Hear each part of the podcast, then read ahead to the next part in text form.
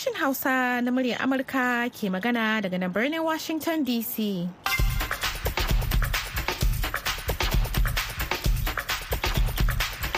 Sauraro, Assalamu alaikum.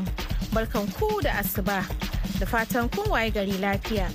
Hadiza kyari ce tare da Maryam Dauda da sauran abokan aiki muke farin cikin kasancewa da ku yau Juma'a goma sha bakwai ga watan Fabrairu na shekarar 2023. Kafin ku jabubuwan da muke tafa da su ga Maryam da kanan labarai. To Hadiza dakaran Rasha sun kai wa Ukraine hari da makami mai linzami a jiya Alhamis inda suka kashe akalla mutum ɗaya tare da jikkata wasu. Adadin waɗanda suka mutu sakamakon girgizar ƙasar da ta auku a makon jiya a wasu sassan Turkiyya da Siriya ya zarta dubu arba'in da ɗaya. Kuma ƙungiyoyin agaji sun ce ana tafiyar hawainiya wajen kai agajin jinƙai a yankunan ƙasar Siriya. A halin da ake ciki, sassa daban-daban na duniya na ci gaba da tara kuɗaɗen tallafi don taimakawa waɗanda suka tsira daga girgizar ƙasar. Kanan labaran kenan.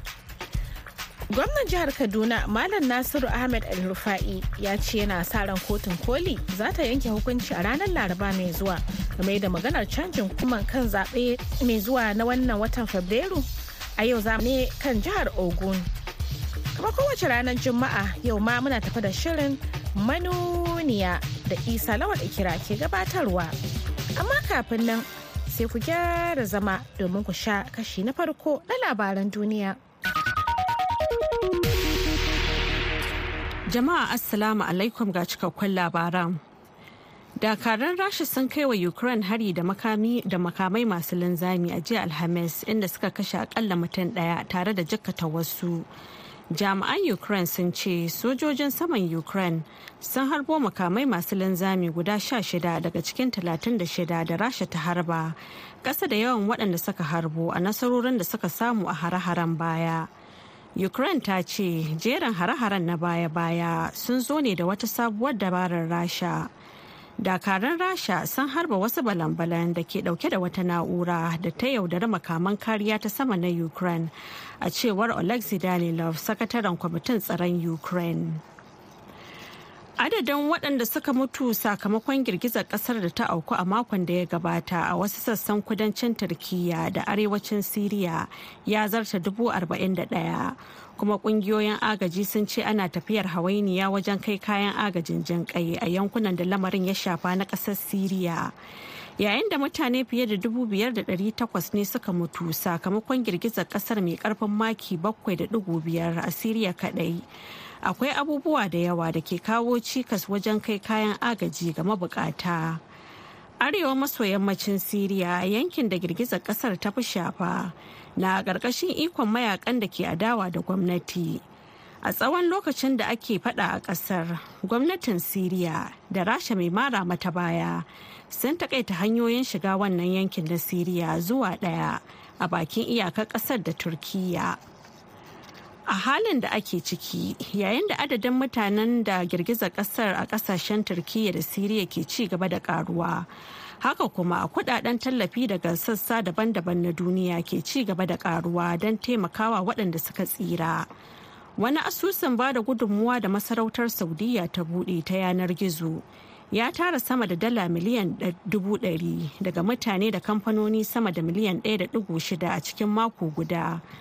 Gwamnatin saudiya ta kuma kai jiragen sama makare da kayan abinci da magunguna da abubuwan kafa matsuguni sannan ta tura da tawagar ma'aikatan ceto a cewar hukumar agajin ƙasar haka zalika sauran masarautun ƙasashen larabawa masu arziki su ma sun mayar da martani. Kwana ɗaya bayan girgizar ƙasar haɗaɗɗiyar daular larabawa ta uae ta sanar da ba da agajin dala miliyan 100 ga wasu miliyoyin mutane da suka rasa matsugunansu a ƙasashen turkiyya da siriya yayin da ake fuskantar yanayin sanyi a can.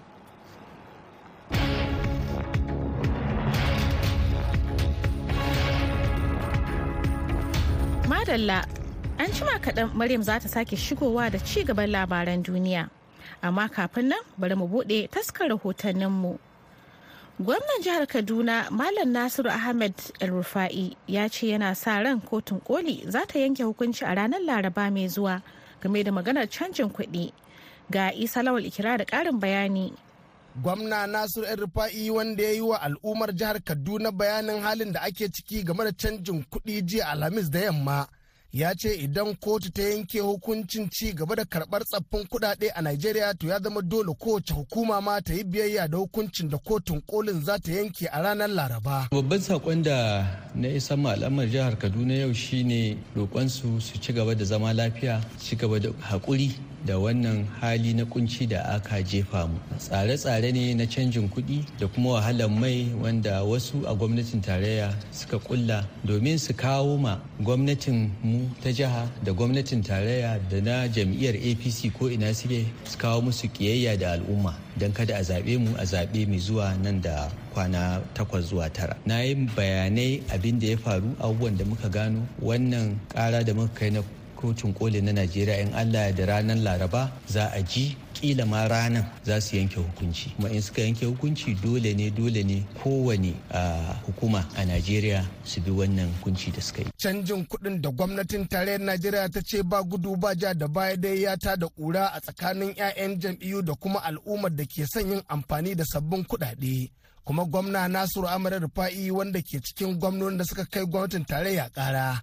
Ya ce wasu makusantan shugaban kasa muhammadu buhari ne ke ziga shi. Sun faɗi zaɓe ko kuma sun so su ɗora wasu 'yan takara ba su samu ba na shugaban kasa da mataimakin shugaban kasa ba su samu ba shi yasa suka koma suka kulla wannan kutun gwila kuma suka zo suka yaudari shugaban kasa suka sayar mishi cewa wannan ne zai sa a zaɓe tsakani da allah. To amma dan siyasa ai ba kuɗi ba ne zai yi amfani da shi. Akwai hanyoyi da yawa kuma in ka ɓoye naira ai akwai kuɗin wasu ƙasashe wanda za a yi amfani da su kuma in Allah ya yarda in Allah ya yarda in Allah ya yarda Allah ya fi su. Sai dai kuma ɗaya daga cikin lauyoyi masu zaman kansa a jihar Kaduna wanda kan yi sharhi akan al'amuran yau da kullum barista Muhammad Ibrahim Zaria ya ce gwamnonin da suka shigar da gwamnatin tarayyar Najeriya kara fa sun saka siyasa ne akan wannan maganar canjin kuɗi. Abin da nake so a lura da shi a ƙasar India a 2016 Prime Minister ne India fa an waye gari ne kamar da shugaban kasa wannan abu kawai ce ya soke 1000 rupees da 5000 rupees kuma ya ba da awa huɗu a canza duk girman India ka duba ka gani. Wannan an ba da kwana 90. Na biyu kuma ni abin da nake so a fahimta kawai shine gwamnonin nan suna wannan abu ne kawai don su nuna gwaninta su nuna su wasu jarumai ne wajen kwato mu talakawa haƙƙi bayan ba wanda kai su murkushe hakkin talakawa a jihohinsu. Saboda haka wannan siyasa ce kawai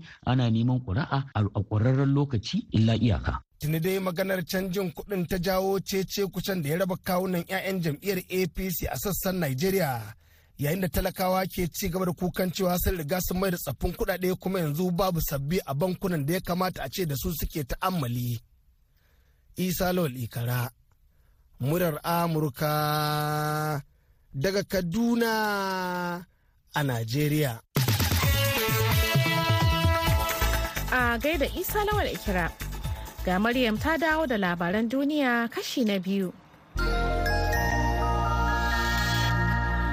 Shugaba Joe Biden zai tattauna da shugaban ƙasar China Xi Jinping game da balan-balan ɗin da ake zaton na leƙen asiri ne da ya ba da umarnin a harbo shi a wannan watan.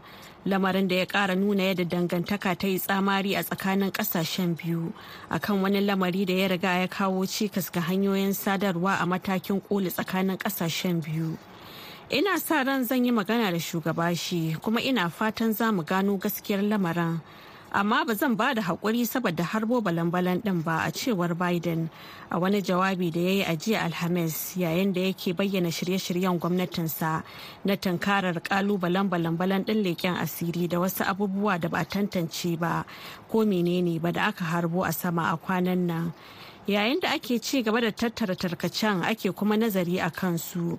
Sauran abubuwan uku da jiragen saman yaƙin amurka suka harbu da makami mai linzami a saman jihar alaska a ranar juma'ar da ta gabata da kuma ranar asabar a sanarin samaniyar kanada tare da haɗin gwiwar gwamnatin kanadar da kuma a michigan ranar lahadi.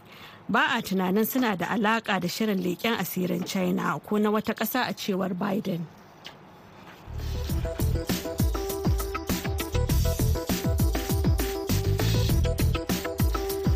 Labaran duniya kenan kuka saurara daga nan sashen Hausa na muryar Amurka a birnin Washington DC.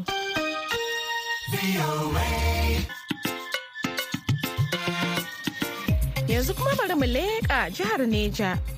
wakilinmu baban gida jibrin ya yi nazarin tarihi harkokin siyasa da kuma zamantakewar al'ummar jihar ga kuma rahoton da ya haɗa mana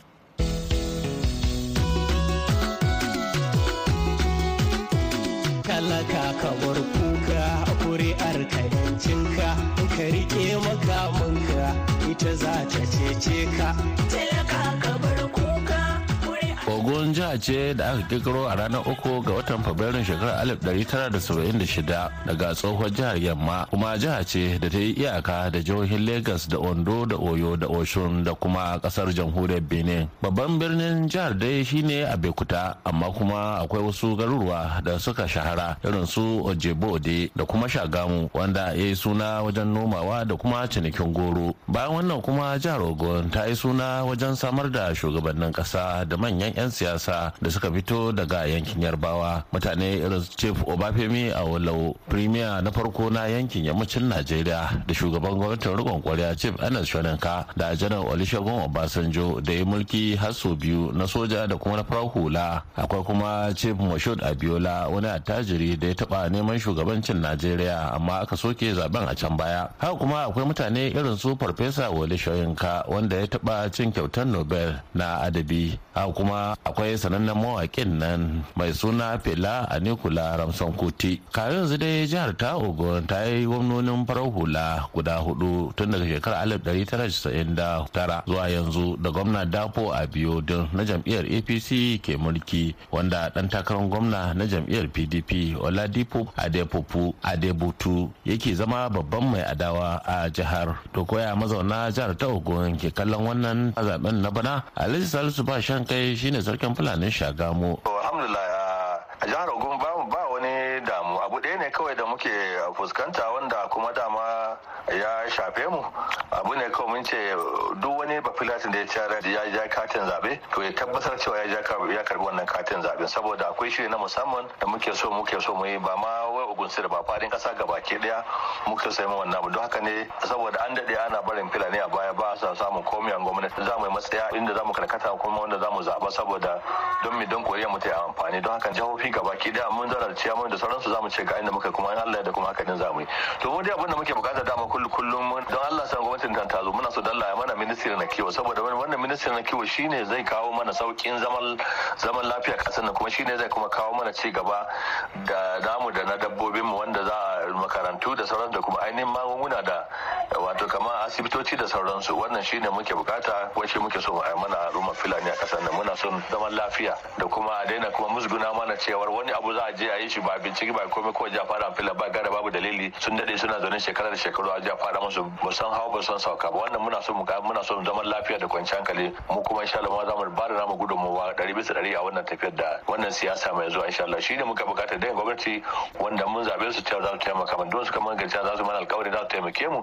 To mu su za mu taimaka mana. Kasancewar jihar Ogun tana makwabtaka da jihar Lagos da ke zama cibiyar kasuwancin Najeriya. Hakan ya sa tana gaba-gaba wajen jihohin Najeriya masu samun kuɗaɗen shiga sakamakon kamfanoni da ake kafawa a jihar wanda kuma ke hada-hada a birnin Lagos da kowane fata ne al'ummar jihar ke da shi ba wannan zaɓe ga dai abin da wani mazaunan garin ke cewa. Sana Awolu Muhammad Sokoto. State ni na fito a karamar hukumar mulkin Yabo Local Government. So alhamdulillah ni mazannin Ogun State ne. Muna son Allah ka ba mu ikon a kawo mana zaman lafiya a Najeriya baki ɗaya da kuma Ogun State. Da kuma yadda za a taimaka ma al'umma su samu aikin yin su daina zaman banza. Muna son wannan gwamnati wadda za ta taho 2023 Ubangiji Allah shi ba su ikon da za su cika mana alkawari. Kuma muna son tsaro da zaman lafiya. Yanzu dai a bayan da ya rage kasa da wata guda a gudanar da babban zaɓe na ƙasa tuni 'yan siyasa da kuma masu zaɓe suka wasa wukakensu da nufin kada ƙuri'a domin zaɓen wanda suke so kama daga zaɓen shugaban ƙasa zuwa na gwamna da kuma na 'yan majalisun tarayya da na jihohi. Kawo yanzu dai tuni ɓangaren hukumar zaɓe da na jami'an tsaro suka bayyana cewa suna ɗaukar matakai na ganin cewa an gudanar da wannan zaɓe cikin kwanciyar hankali da kuma nasara. Babin ya ci murai amurka daga lagos.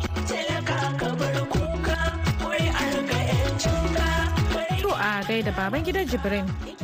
Kada a manta wannan shiri na zuwa muku ne daga nan birnin Washington DC akan mitoci 1625 da kuma 31 a jamhuriyar Nijar kuma za a iya sauraron mu a tashar mata VOA Africa akan mita 200.5. Baya ga haka a shi ake so za a iya zuwa shafukanmu na intanet a voahausa.com ko kuma sashen hausa.com. Kafin mu kai ga shirinmu na gaba ga wannan saƙon. Al'umman Najeriya ranakun 25 ga watan Fabrairu da 11 ga watan Maris da ake ta dako dai na ƙara karatowa. Yayin da miliyoyin mutane a ƙasar ke shirin kada ƙuri'a a wannan babban zaɓe na shugaban ƙasa da gwamnoni da 'yan majalisu. Zaben da ake ganin zai sha bamban da sauran zaɓukan da suka gabata. Sashen Hausa na murya Amurka ya shirya tsaf domin kawo muku labarai da dumi da sharhi a game da zaɓukan. Batutuwan katin zaɓe.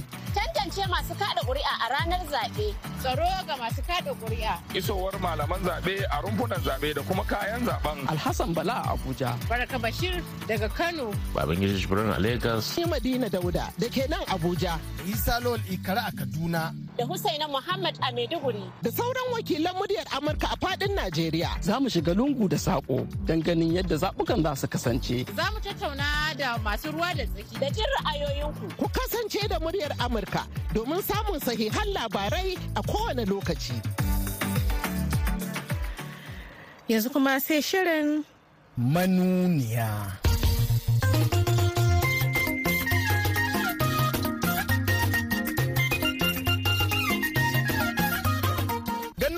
Garajen gabzar-gabzar da wasu talakawa ke yi a Najeriya ya sa wasu ƙungiyoyin matasa da kuma jam'iyyun adawa gaya wa duniya cewa a gaskiya akwai matsala game da maganar canjin kuɗi na gwamnatin shugaban ƙasa Buhari. Ka san nawa ne buhun masara kafin wannan polisi kuma gobe in ka je kasuwa ka san nawa ne dole ne a tausaya wa talaka. Wannan zai iya kawo fitina in ka hana al'umma kuɗinsu da suka je suka ajiye wanda doka ta ce in ka sa kuɗinka a banki za ka iya karɓa a kowane lokaci. Sai dai kuma a yayin da mahukunta a jihar Kano ke cewa ana ci gaba da karɓan tsaffin kuɗaɗe wasu cewa suke ya kamata dai kawai talaka ya koma ga Allah tun da wuri-wuri. Duk inda ya kama a Kano ana karɓar kuɗi inda ba a karɓa ba kuma ya zama laifi yanzu misali ko kansa gwamna kwanan nan ya je ya rufe waɗansu kantuna. Wallahi talakan Najeriya abu ɗaya zai sa a gaba ya sa Allah a gaba kamar da Allah ba shi iko ya tura Muhammadu Buhari kati bai da kuɗin da zai kamfen. Game da karar da wasu gwamnoni suka kai gwamnatin tarayyar Najeriya kuwa barista Muhammad Zariya ne ya zira zaren zargi ga gwamnonin da ya ce siyasa suka saka don nuna wa 'yan Najeriya kamar su ne na gari. Gwamnonin nan suna wannan abu ne kawai don su nuna gwaninta su nuna su wasu jarumai ne wajen kwato mu talakawa haƙƙi bayan ba wanda ya kai su murƙushe haƙƙin talakawa a jihohinsu. Waɗannan fa so mun ta muka tatso cikin tarin muryoyin da za ku ji a cikin wannan shiri na manuniya.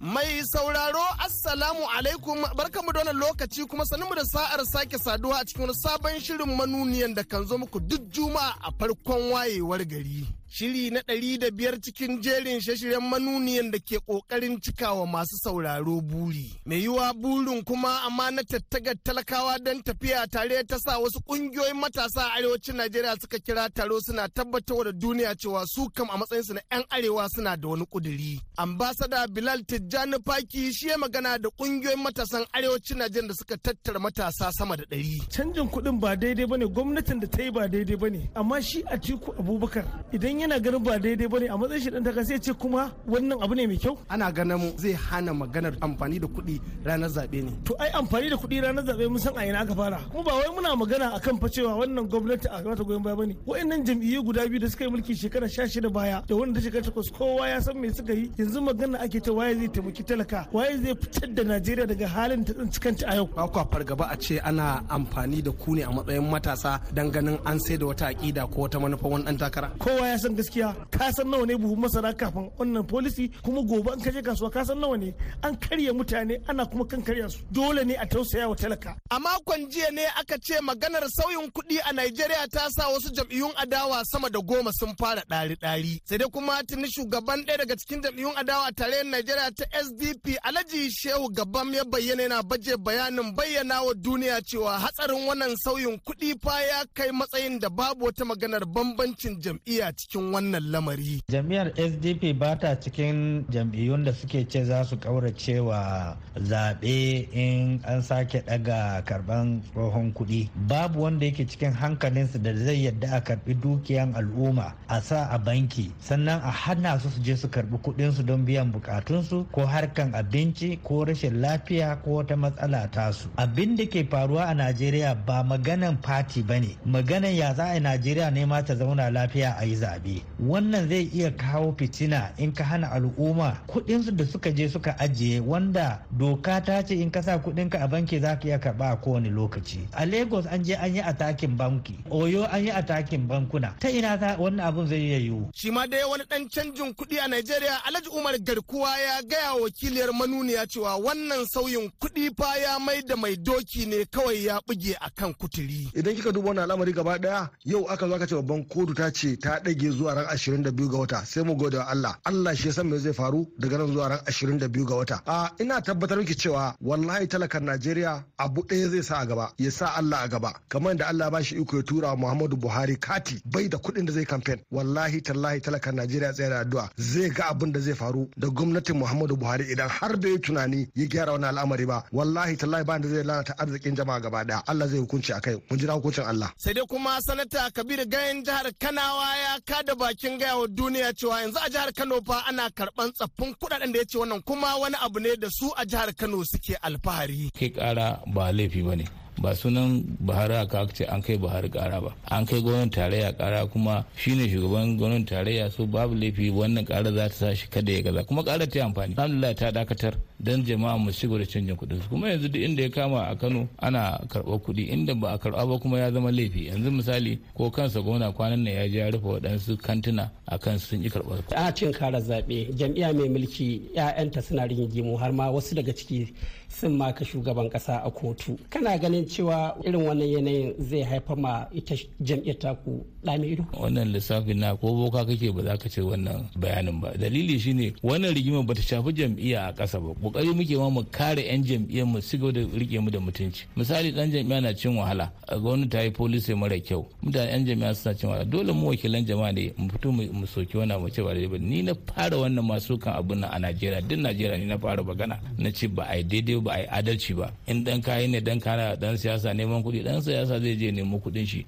tun ma kafin zaɓe. Tun bayan tattagar batun canjin kuɗi zuwa gaban kotun kolin da wasu gwamnonin tarayyar Najeriya suka yi wasu 'yan Najeriya ke ganin kamar ta riga ta yi wari. Sai dai kuma mai magana da yawan gwamnonin tare Nigeria Abdulrazak Bello Barkindo ya baje bayanin bayyana wa 'yan Najeriya cewa ba rigima ba ce amma dai maganar sauyin kuɗin ce kawai suke ganin dole a sake sabon nazari. Gwamnonin Najeriya ba wai suna fito na fito ne da shi gwamnan babban bankin tarayya ba. Abin da suke nuna shine wannan matakin da ya ɗauka ya kawo mutane wahalhalu iri-iri kamar yanzu a jiha kamar Jigawa akwai kasuwar da ake samun kusan naira biliyan guda da ake cinikayya da shi a cikin a ranar kasuwa amma yanzu kasuwan ba dama ta ci domin babu. Saboda haka suke ganin kamar ai matakin ne bai zo a lokacin da ya kamata a ɗauke shi ba sannan kuma bai yi wa mutane adalci ba. Don yanzu abin da gwamnati suke cewa kwaci ake wa mutane. Tunda a ƙasar nan yanzu ana sai da kuɗi. Sai ka ga mutum yana da naira ɗari yana so ya canja sai a ce sun ya ba da naira ɗari a bashi naira saba'in. Wannan bai dace ba. Gwamnoni suna ganin inda an bari kuɗin su tulale ne daga cikin kasuwa. Bankin tarayya tana cirewa kaɗan kaɗan kaɗan kaɗan har sai ya zama babu tsohon kuɗi a cikin kasuwa. Sai dai duk da sukuwar sukar jawabin shugaban ƙasa Muhammadu Buhari na jiya Alhamis akan maganar sauyin kuɗi wasu na cewa ai shugaban ƙasan ma ya yi ƙoƙari. Barista Muhammad Ibrahim Zariya na cikin lauyoyin da ke ganin ƙarar da gwamnonin suka kai akwai lam'a kuma ya ce su kansu gwamnonin siyasa suka saƙa kuma ya ce ƙuri'u kawai suke son ganin sun yi guziri. Jawabin shugaban ƙasa da ya ba shi da nasaba da maganan domin duk rigiman da ake yi a kai shine gwamnan babban bankin Najeriya ya ya ce ba a shigar da shi a cikin wannan ƙara ba. Kuma saboda haka duk wani hukunci da zai biyo baya ba shi da wani abin da zai sa ya shiga ciki. Ta da ba faɗan da ba ruwanka mene naka a ciki? Shi yasa yake tutiya yake buga ƙirji cewar shi fa ba ruwan shi a cikin wannan shari'a. Kuma ya kamata a ce su gwamnati sun shigar da babban bankin Najeriya ne a cikin wannan shari'a din domin shi ita babban kotun Najeriya tana da hurumi ne direct idan akwai rigima tsakanin gwamnatin jiha da gwamnatin jiha ko gwamnatin jiha da gwamnatin tarayya. Na biyu kuma ni abin da nake so a fahimta kawai shine gwamnonin nan suna wannan abu ne kawai don su suna gwaninta sunan su wasu jarumai ne wajen kwato mu talakawa haƙƙi bayan ba wanda ya kai su murƙushe haƙƙin talakawa a jihohinsu. Saboda haka wannan siyasa ce kawai ana neman ƙuri'a ana neman yardan jama'a a ƙwararren lokaci ya rage na jama'a. In sun ga za su yi za su shiga cikin wannan yaudara su shiga. In kuma za su buɗe ido su yi hukuncin abin da ya kamata su yi hukunci su yi hukunci akan abin da ya kamata. Amma ka su yarda da yaudara da nuna bajintan ƙarya wanda a da ya kamata a yi musu ba a yi musu ba. Su buɗe ido. Wannan shari'a an siyasantar da ita. Ana neman ƙuri'a ce kawai da wannan shari'a.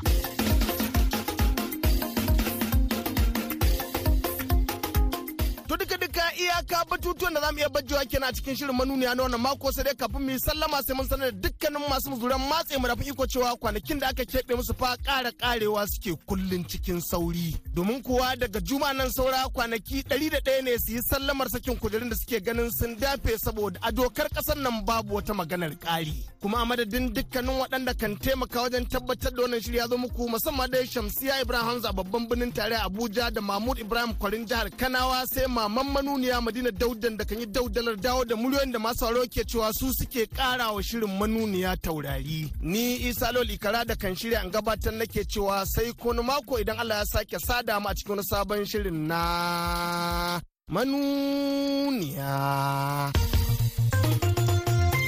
to a gaida na ikira yanzu kuma sai nasihar juma'a